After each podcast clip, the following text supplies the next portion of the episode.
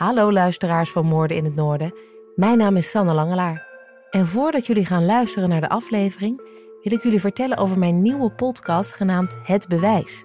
Waarbij simpele, alledaagse voorwerpen het doorslaggevende bewijs worden. Zo vertel ik hoe een ladder de sleutel wordt in een ontvoeringszaak, een nagelvel op een hele onconventionele manier wordt gebruikt om een moord te verhullen en hoe een verdachte kan worden gelinkt aan een moord door een nieuwe zoom in zijn korte broek. Luister Het Bewijs iedere dinsdag in al je favoriete podcast-apps.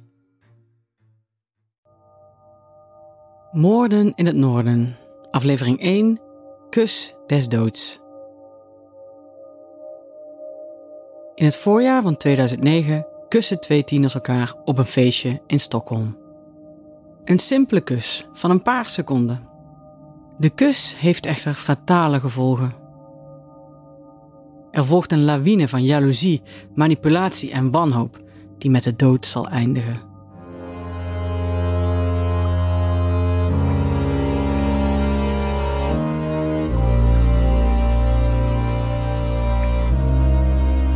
Je luistert naar Moorden in het Noorden, een podcastserie over de meest spraakmakende moordzaken in Scandinavië.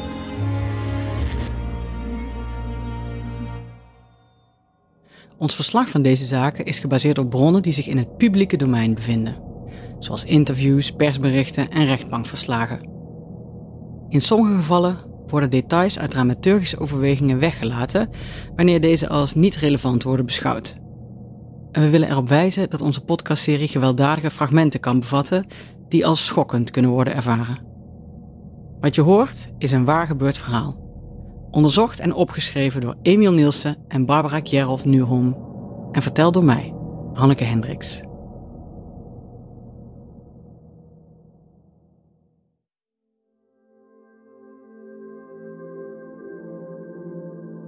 Het is een lente vol verwachting. Er wordt gefeest en geflirt. Op 30 april worden overal in Zweden vreugdevuren aangestoken om de Walpurgisnacht te vieren. Walpurgisnacht, een feest met een lange traditie dat het begin van de lente verwelkomt. Voor de 15-jarige Therese Johansson Rojo, of Tess zoals haar vrienden haar noemen, is dit feest een eerste van een reeks feestjes. Want over zes weken is ze klaar met de middelbare school. En slechts een week later viert ze haar 16e verjaardag. Geniet met volle teugen van het leven, schrijft ze in haar blog. Ze begon het blog een jaar daarvoor, toen ze met haar familie in de Filipijnen was, om de familie van haar grootmoeder en vader te bezoeken. Sindsdien postte hier haar eigen tekeningen, schrijft ze kleine berichten over het saaie dagelijkse schoolleven en is ze lyrisch over de filmreeks Twilight.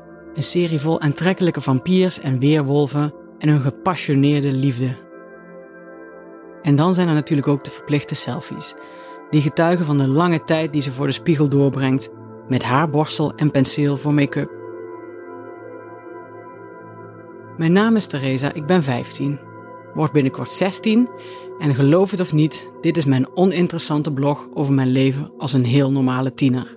Zo stelt ze zich voor in haar blog.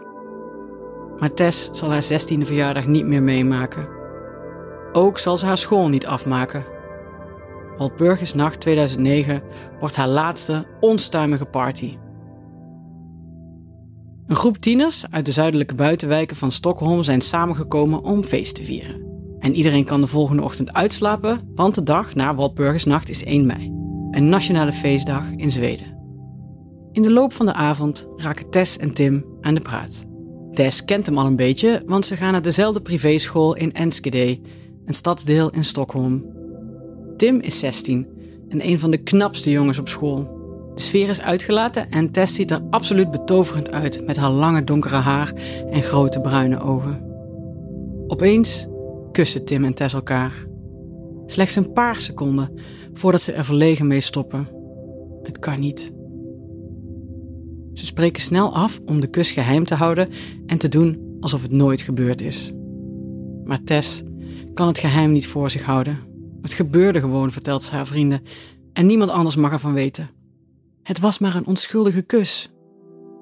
Voor Tim staat er daarentegen wel wat meer op het spel. Zijn vriendin Tove, die ook naar de kunstkapschool in Enschede gaat, mag het in elk geval niet te weten komen. Tim en Tove zijn al samen sinds ze 13 en 14 waren. Op school worden ze beschouwd als het absolute droompaar. Tim, de getalenteerde voetballer met een enorme vriendenkring, en de blonde Tove, een scholier die uitblinkt in alle vakken. Ze zijn nu al twee jaar samen, ondanks de ruzies en de scheidingen en de daaropvolgende verzoeningen. De eerste keer had Tove Tim gesmeekt om bij haar terug te komen nadat hij het had uitgemaakt en een korte tijd met een ander meisje had gedate. Een half jaar later was het Tove die Tim had verlaten en nu moest Tim vechten om haar terug te krijgen. Hij had Tove te weten te overtuigen, maar vanaf dat moment gelden er nieuwe regels in hun relatie. Want Tove vindt het moeilijk om Tim te vertrouwen. Het stoort haar als hij vaak weg is met zijn vrienden. Ze klaagt dat hij zoveel tijd aan voetballen besteedt en ze vindt dat hij te veel alcohol drinkt. Jaloezie is een constante metgezel in hun relatie. Tove moet altijd weten waar Tim is, wat hij doet en met wie hij omgaat. Hoe zou ze hem anders kunnen vertrouwen? Een spiraal van wantrouwen, beloften, steeds weer nieuwe liefdesverklaringen en het constant in de gaten houden stelt hun relatie keer op keer op de proef. Misschien is Tim aan deze situatie gewend geraakt, maar hij is ook heel erg bang om zijn vriendin weer te verliezen. Tijdens de Walpurgisnacht was Tove met haar ouders de stad uit en dus was Tim alleen naar het feest gegaan. Hij weet dat dat feit aan zich al genoeg was om zijn vriendin van streek te maken. En na de kus wil hij er al helemaal niet over nadenken. Hoe Tove zal reageren als er haar achter zou komen dat hij haar ontrouw is geweest. Hij kan alleen maar hopen dat Tess niets zegt. Maar het gerucht over de verboden kus in de Walpurgisnacht verspreidt zich snel. En een paar weken later, half mei, bereikt het ook Tove. Het is de dag na haar zestiende verjaardag, dus een late, vervelende verjaardagsverrassing. Tim probeert eerst de kus te ontkennen. Hij beschuldigt Tove ervan eerder al die geruchten te geloven dan hem. Ze valt niet te overtuigen en Tim moet uiteindelijk toch toegeven. Hij verontschuldigt zich en smeekt Tove om vergiffenis. Hij zegt dat hij alles wil doen: zijn vrienden laten vallen, stoppen met voetballen, alles voor haar, Tove. De enige verdomde reden van mijn leven is om zo lang mogelijk bij je te zijn, sms Tim haar. Maar het kan Tove niet schelen. Ze negeert zijn telefoontjes en sms'jes. Wanneer Tove eindelijk de telefoon opneemt, geeft ze hem slechts 10 minuten van haar tijd. Genoeg om Tim de hoop te geven dat als hij haar op de een of andere manier van zijn liefde kan overtuigen, hij haar terug kan winnen. En dus blijft hij schrijven. Ik smeek je. Het enige wat je hoeft te doen is me terug te nemen en ik beloof je dat je weer van me zult houden zoals je vroeger deed. Ik zal er meer dan ooit voor je zijn. Ik voel me zo ellendig nu ik niet meer weet wat ik moet doen. Ik zou een moord doen om je terug te krijgen. En dat meen ik.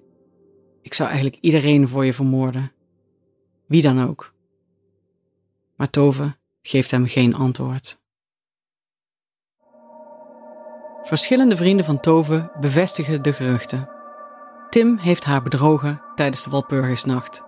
Hij heeft gezoend met die Tess, dat meisje met dat donker haar, die ene die er een beetje Aziatisch uitziet. Tove is gekwetst en verbitterd als ze de volgende dag naar school komt. Ze gaat overal op zoek naar Tim. Als ze hem uiteindelijk vindt, geeft ze hem onverwacht een kopstoot. Zo hard dat een tand van Tim afbreekt en het bloed uit zijn neus spuit. Tove loopt weg. Weg van school, weg van Tim. Hij rent achter haar aan en haalt haar na een tijdje in. Ze is van streek, dreigt zichzelf voor een trein te werpen. Met moeite slaagt hij erin haar te kalmeren, tot haar ouders haar komen halen en haar naar huis brengen. Tove blijft onvermurfbaar. Diezelfde avond sms ze hem dat het voorbij is. Ze kan hem niet vergeven. Maar Tim staat erop dat ze in ieder geval moet praten. Ze kan niet alleen maar sms'en. Ze bestookt hem met beledigingen. Ze noemt hem lelijk, een walgelijke loser, een verdomde klootzak. De correspondentie doet denken aan een ongelijke bokswedstrijd.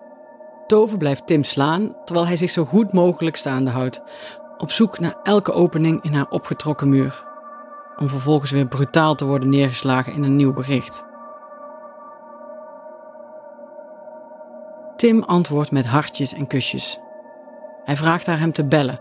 Het maakt niet uit wanneer, wanneer ze maar wil. Het belangrijkste is dat ze hem belt. en s'avonds laat, om kwart over één, belt Tove echt. Maar nu neemt Tim zijn telefoon niet op. Twintig minuten lang probeert ze het steeds opnieuw, tevergeefs, tot hij na bijna een half uur eindelijk reageert op haar laatste sms. Tove antwoordt opnieuw met een boze stroom van woorden.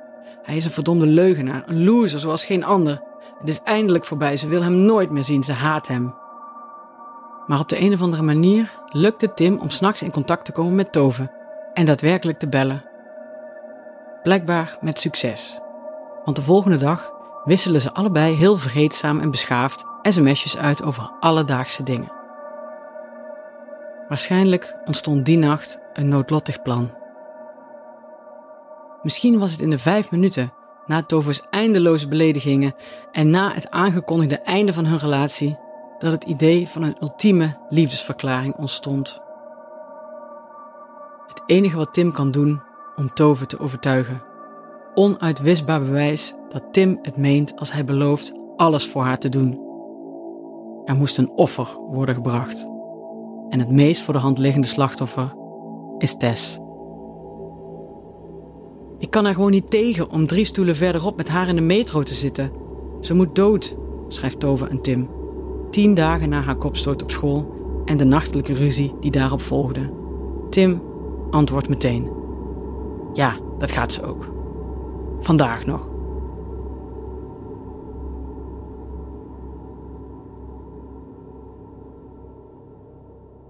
De dag ervoor heeft hij enkele uren nagedacht over hoe hij aan Tovers verzoek zou kunnen voldoen. Hij keek rond in Tronksoen, de plaats waar Tess woont, maar dat hielp niet. Hij heeft geen idee hoe hij het zou moeten doen. Hij weet maar één ding: dat het moet gebeuren als hij Tove niet kwijt wil. Ze zijn twee jaar samen, als hij belooft om het te zullen doen. Dat moment wanneer ze hem ochtends vanuit de metro sms't. En tegen de avond heeft hij zijn plan klaar. Tim's plan is om terug te rijden naar Tronksoen en daar te wachten op Tess. Vervolgens wil hij haar voorhouden dat hij een fles wodka heeft verstopt in het bos bij haar huis en haar vragen om hem mee te helpen de fles te vinden. Hij weet zeker dat Tess ja zal zeggen als hij uitlegt dat de fles voor een paar jongens is waaraan hij geld verschuldigd is. Als het hem lukt haar naar het bos te lokken, zal hij op zoek gaan naar een steen of een stok. Iets waarmee hij haar schedel zou kunnen breken.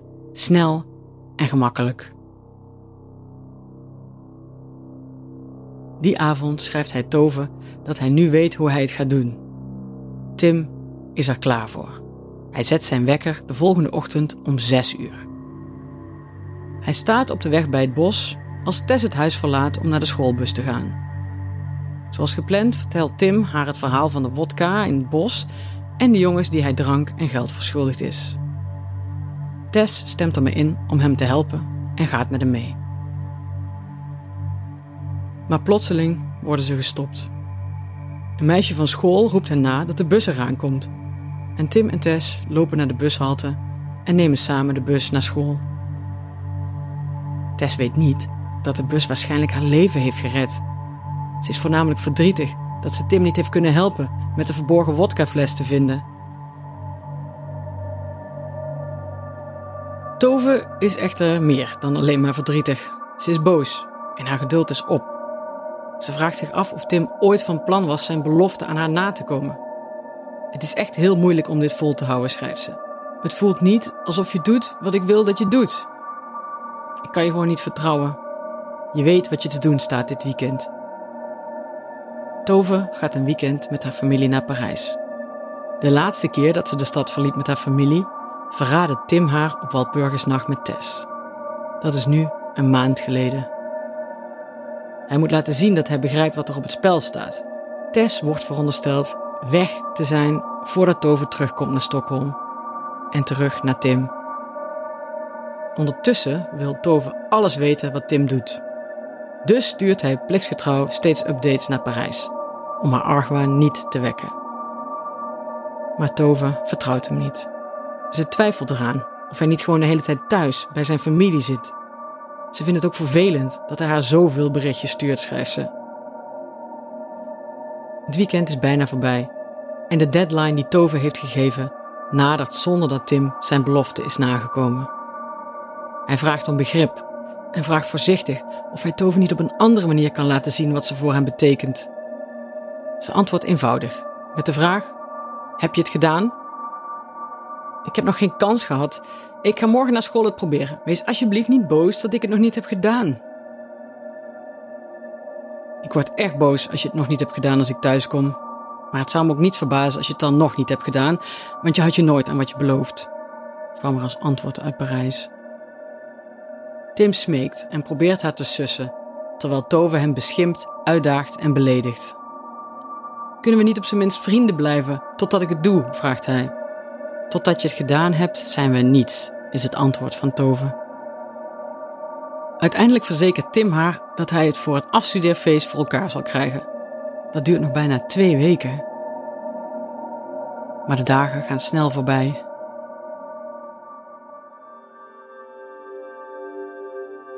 Tess is enthousiast over het aanstaande afstudeerfeest. Ze heeft precies het juiste paar schoenen gevonden en die passen perfect bij haar gouden jurk die ze speciaal voor het feest heeft gekocht. Nog maar vier dagen te gaan. Het is juni. Er waren wel al wat zonnige dagen in mei, maar helaas is het op de zaterdag voor de diploma-uitreiking bewolkt. Dat weerhoudt Tess er niet van af te spreken met haar vrienden op de voormalige skiheuvel in Sturenbu. Veel jongeren uit de omgeving komen hier samen om feest te vieren in de open lucht. Een oudere vriend van een van Tess' vrienden geeft de meisjes een pakje sigaretten en een fles wodka. Haar vrienden plagen Tess een beetje, omdat ze zo op haar nieuwe hoge hakken is gekomen.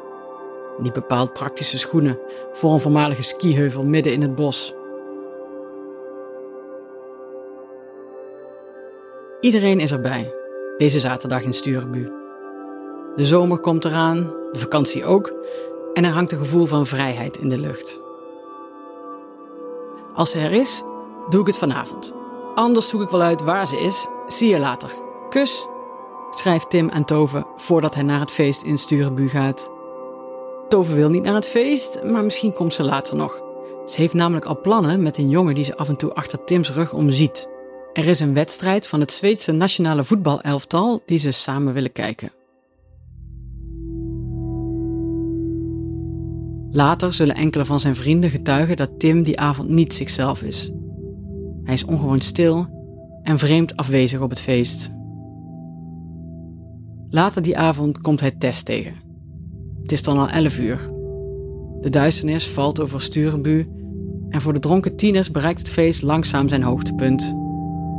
Het is bijna onmogelijk om een goed gesprek te voeren in het lawaai. Dus lopen Tess en Tim weg van het feestgedruis richting het bos.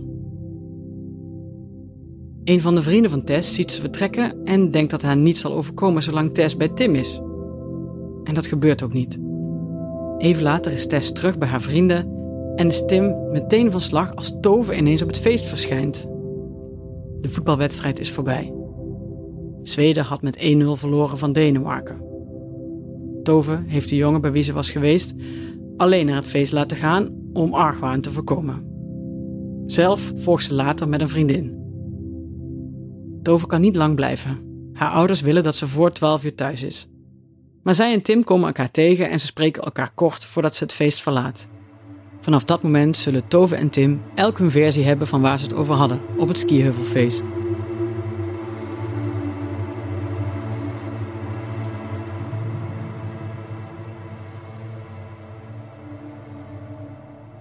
Tove is op weg naar huis als er een bericht van Tim op haar mobiele telefoon binnenkomt. Ik sms je als het gedaan is, schrijft hij. Tess gaat richting huis met een vriendin wie haar ouders haar om 12 uur komen ophalen. Ze neemt afscheid van haar groepje en loopt langs de bosrand richting de parkeerplaats. Ik kom er zo aan, schrijft Tess een paar minuten voor 12 aan haar vriendin. Ze moet nog even plassen en stapt tussen de bomen op zoek naar een discreet plekje. Ze merkt Tim pas op als hij haar in het bos inhaalt. Hij begint over de Walpurgisnacht, over de kus, en waarom er toch zoveel mensen van weten. Je had toch afgesproken om het voor jezelf te houden? Dat het niet had mogen gebeuren? Tess vindt het moeilijk om op haar hoge hakken op de oneffen bosbodem te staan. Ze gaat op een rot zitten en bekent aan Tim dat ze haar vrienden in vertrouwen had genomen en niet had gedacht dat ze het verder zouden vertellen. Tim beseft dat Tess niet lijkt te begrijpen hoe ernstig dit is. Het lijkt alsof ze niet net zoveel spijt heeft van de kus als hij, juist het tegenovergestelde. Tim ziet de gebroken tak, gaat achter Tess staan, pakt de tak op en slaat uit alle macht. De tak knapt als hij haar achterhoofd raakt. Honderden rotte houtsplinters regenen neer op Tess en komen vast te zitten in haar lange haar. Tess schreeuwt: Verdomme, wat doe je? Ik heb je toch niets aangedaan? Maar voor Tim is er nu geen weg meer terug. Hij werpt zich over haar heen en grijpt met beide handen haar nek vast. Tess probeert zich uit zijn greep te bevrijden, maar Tim is groter en sterker. Hij knijpt met alle macht enkele minuten. Totdat Tess bewegingsloos op de bosbodem zakt. Om er zeker van te zijn dat Tess echt dood is, pakt Tim nog een tak en drukt die tegen haar keel. En als de tak breekt, knielt hij met al zijn gewicht op haar nek. Meerdere minuten gaan voorbij. Dan staat hij eindelijk op. Hij staat net op het punt om weg te gaan als hij een zwak gekreun denkt te horen. Hij trapt, meerdere keren, met al zijn kracht tegen haar lichaam en haar hoofd. Hij schopt harder dan hij ooit heeft geschopt, opnieuw en opnieuw.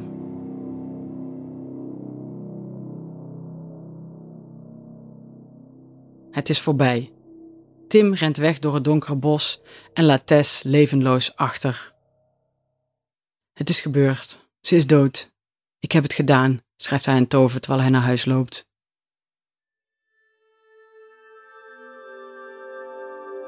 Op het feest beginnen Tess haar vriendinnen zich af te vragen waar ze gebleven is. Ze roepen haar en zoeken de rand van het bos af. Iemand besluit de ouders van Tess te bellen voor het geval ze alleen naar huis is gegaan. Haar moeder stapt zonder te aarzelen in de auto en rijdt richting Sturenbu, waar vrienden en feestgangers Tess blijven zoeken en haar naam roepen in de duisternis. Als haar moeder bij de skiheuvel aankomt, ziet ze al de blauwe lichten van politie en ambulance. Tess wordt ongeveer een uur na het sms'en aan haar vriendin dat ze onderweg is, gevonden in het bos. Een vriendin denkt dat ze ongelukkig gevallen moet zijn, terwijl een ander zich aanvankelijk meer zorgen maakt over wat Tess haar moeder zal zeggen als ze de overgebleven sigaretten en de half lege wodkafles in de tas van Tess zal vinden. Als ze wordt ontdekt, ligt Tess levenloos op haar rug. Haar huid lijkt blauw en haar ademhaling zwak. Ze is bewusteloos en leeft nauwelijks. Al snel bereikt het bericht ook Tim.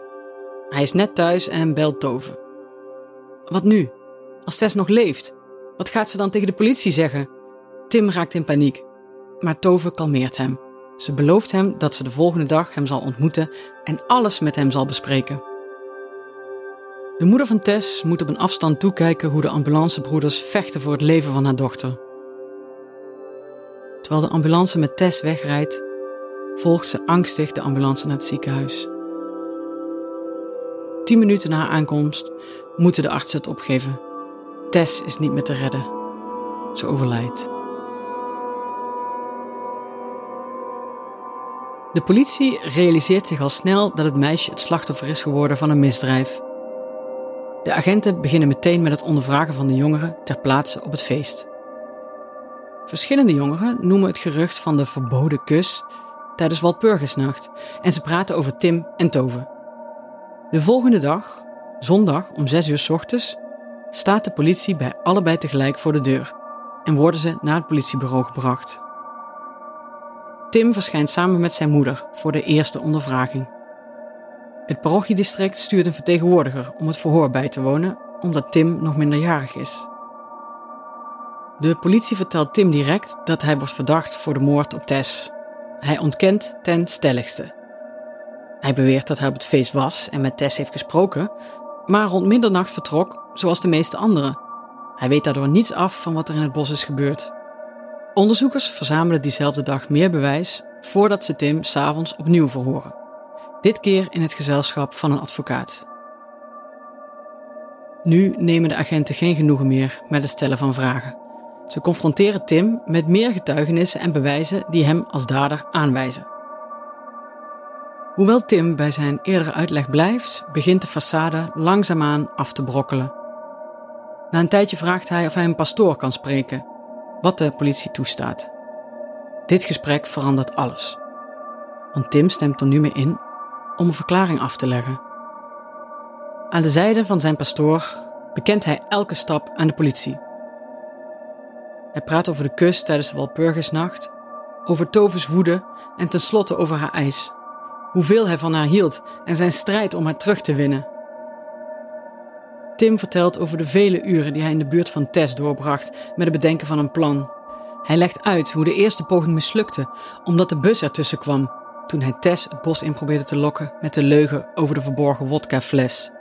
En tot slot vertelt hij wat er de zaterdagavond na het feest gebeurde in het bos naast de skiheuvel. Waarom heb je Tess vermoord? vragen de onderzoekers hem. Om Tove niet kwijt te raken, legt Tim uit. Het was de enige manier om haar tevreden te stellen.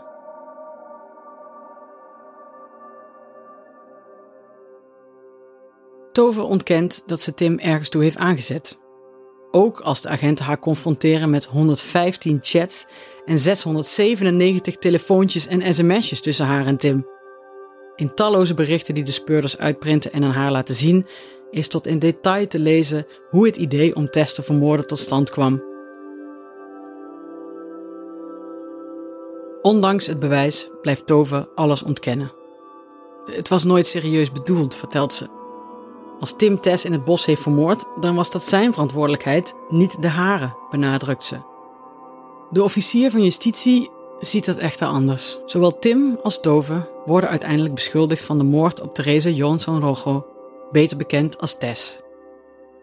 De rechtbank oordeelt dat vanwege de jonge leeftijd van de verdachte het proces grotendeels achter gesloten deuren moet plaatsvinden. De rechtszaak begint in de rechtbank van Södertörn op 19 augustus 2009. Tim bekent in de rechtbank dat hij Tess heeft vermoord, terwijl Tove blijft volhouden dat ze onschuldig is. Haar advocaat stelt daarom in de loop van het proces alles in werk om de getuigenis van Tim te ontleden en zo de versie van Tove geloofwaardig te maken voor de rechtbank. Het is de versie waarin Tove beweert dat ze het nooit meende toen ze Tim sms'te dat Tess moest sterven en dat Tim haar moest vermoorden en dat ze nooit had gedacht dat Tim het op een andere manier zou kunnen hebben opgevat. Tim is de eerste die wordt verhoord. Maar na al een paar minuten tijdens het kruisverhoor krijgt hij een paniekaanval en zakt in de rechtszaal in elkaar. Hij moet met een ambulance naar het ziekenhuis worden gebracht en wordt vervolgens teruggebracht naar de jeugdgevangenis, waar hij onder toezicht van psychiaters en maatschappelijk werkers wordt gesteld. Het proces gaat een week later verder. Tove moet nu toch toegeven dat zij de bedenker is van de vele berichten aan Tim die de officier van justitie voorlegt aan de rechtbank. Ze blijft er echter bij dat deze niet serieus bedoeld waren. Desalniettemin concludeert de rechtbank dat Tove net zo verantwoordelijk is voor de dood van Therese Johansson Rojo als Tim. Hij zou de misdaad waarschijnlijk nooit hebben begaan als Tove hem niet had aangespoord om dat te doen.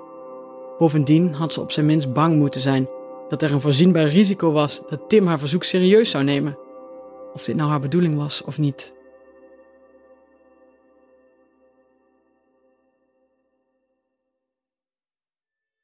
Zowel Tim als Tove worden schuldig bevonden aan doodslag op Therese Johansson Rojo door de rechtbank in september 2009, ongeveer vier maanden na de noodlottige Walpurgisnacht.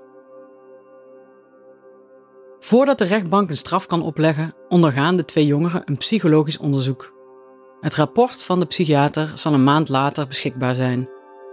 Beiden worden volledig schuldig bevonden, zodat ze kunnen worden veroordeeld voor hun misdrijven op grond van het jeugdstrafrecht. Ze worden elk veroordeeld tot een jaar en acht maanden in een gesloten jeugddetentiecentrum. Verder moeten ze allebei 60.000 kronen, zo'n 6.000 euro, aan de ouders van Tess betalen. Terwijl Tim het vonnis aanvaardt, gaat Tove in hoger beroep voor vrijspraak. Ook de officier van justitie gaat in hoger beroep om een hogere straf te krijgen.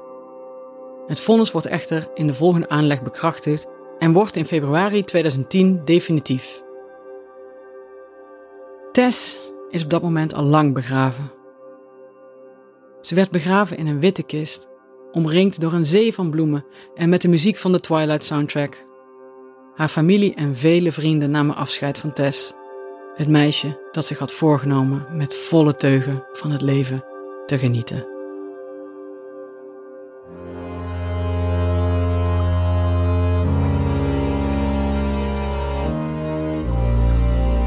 Dit is de Nederlandse versie van de Deense serie Moord in Noord. en is een productie van Dag en Nacht Media in opdracht van Podimo. Tekst en research Emil Hansen. Vertaling Lotte Lentes. Ingesproken door Hanneke Hendricks. Montage en mixage Jeroen Sturing. Productie door Anne Janssens namens Dag en Nacht Media.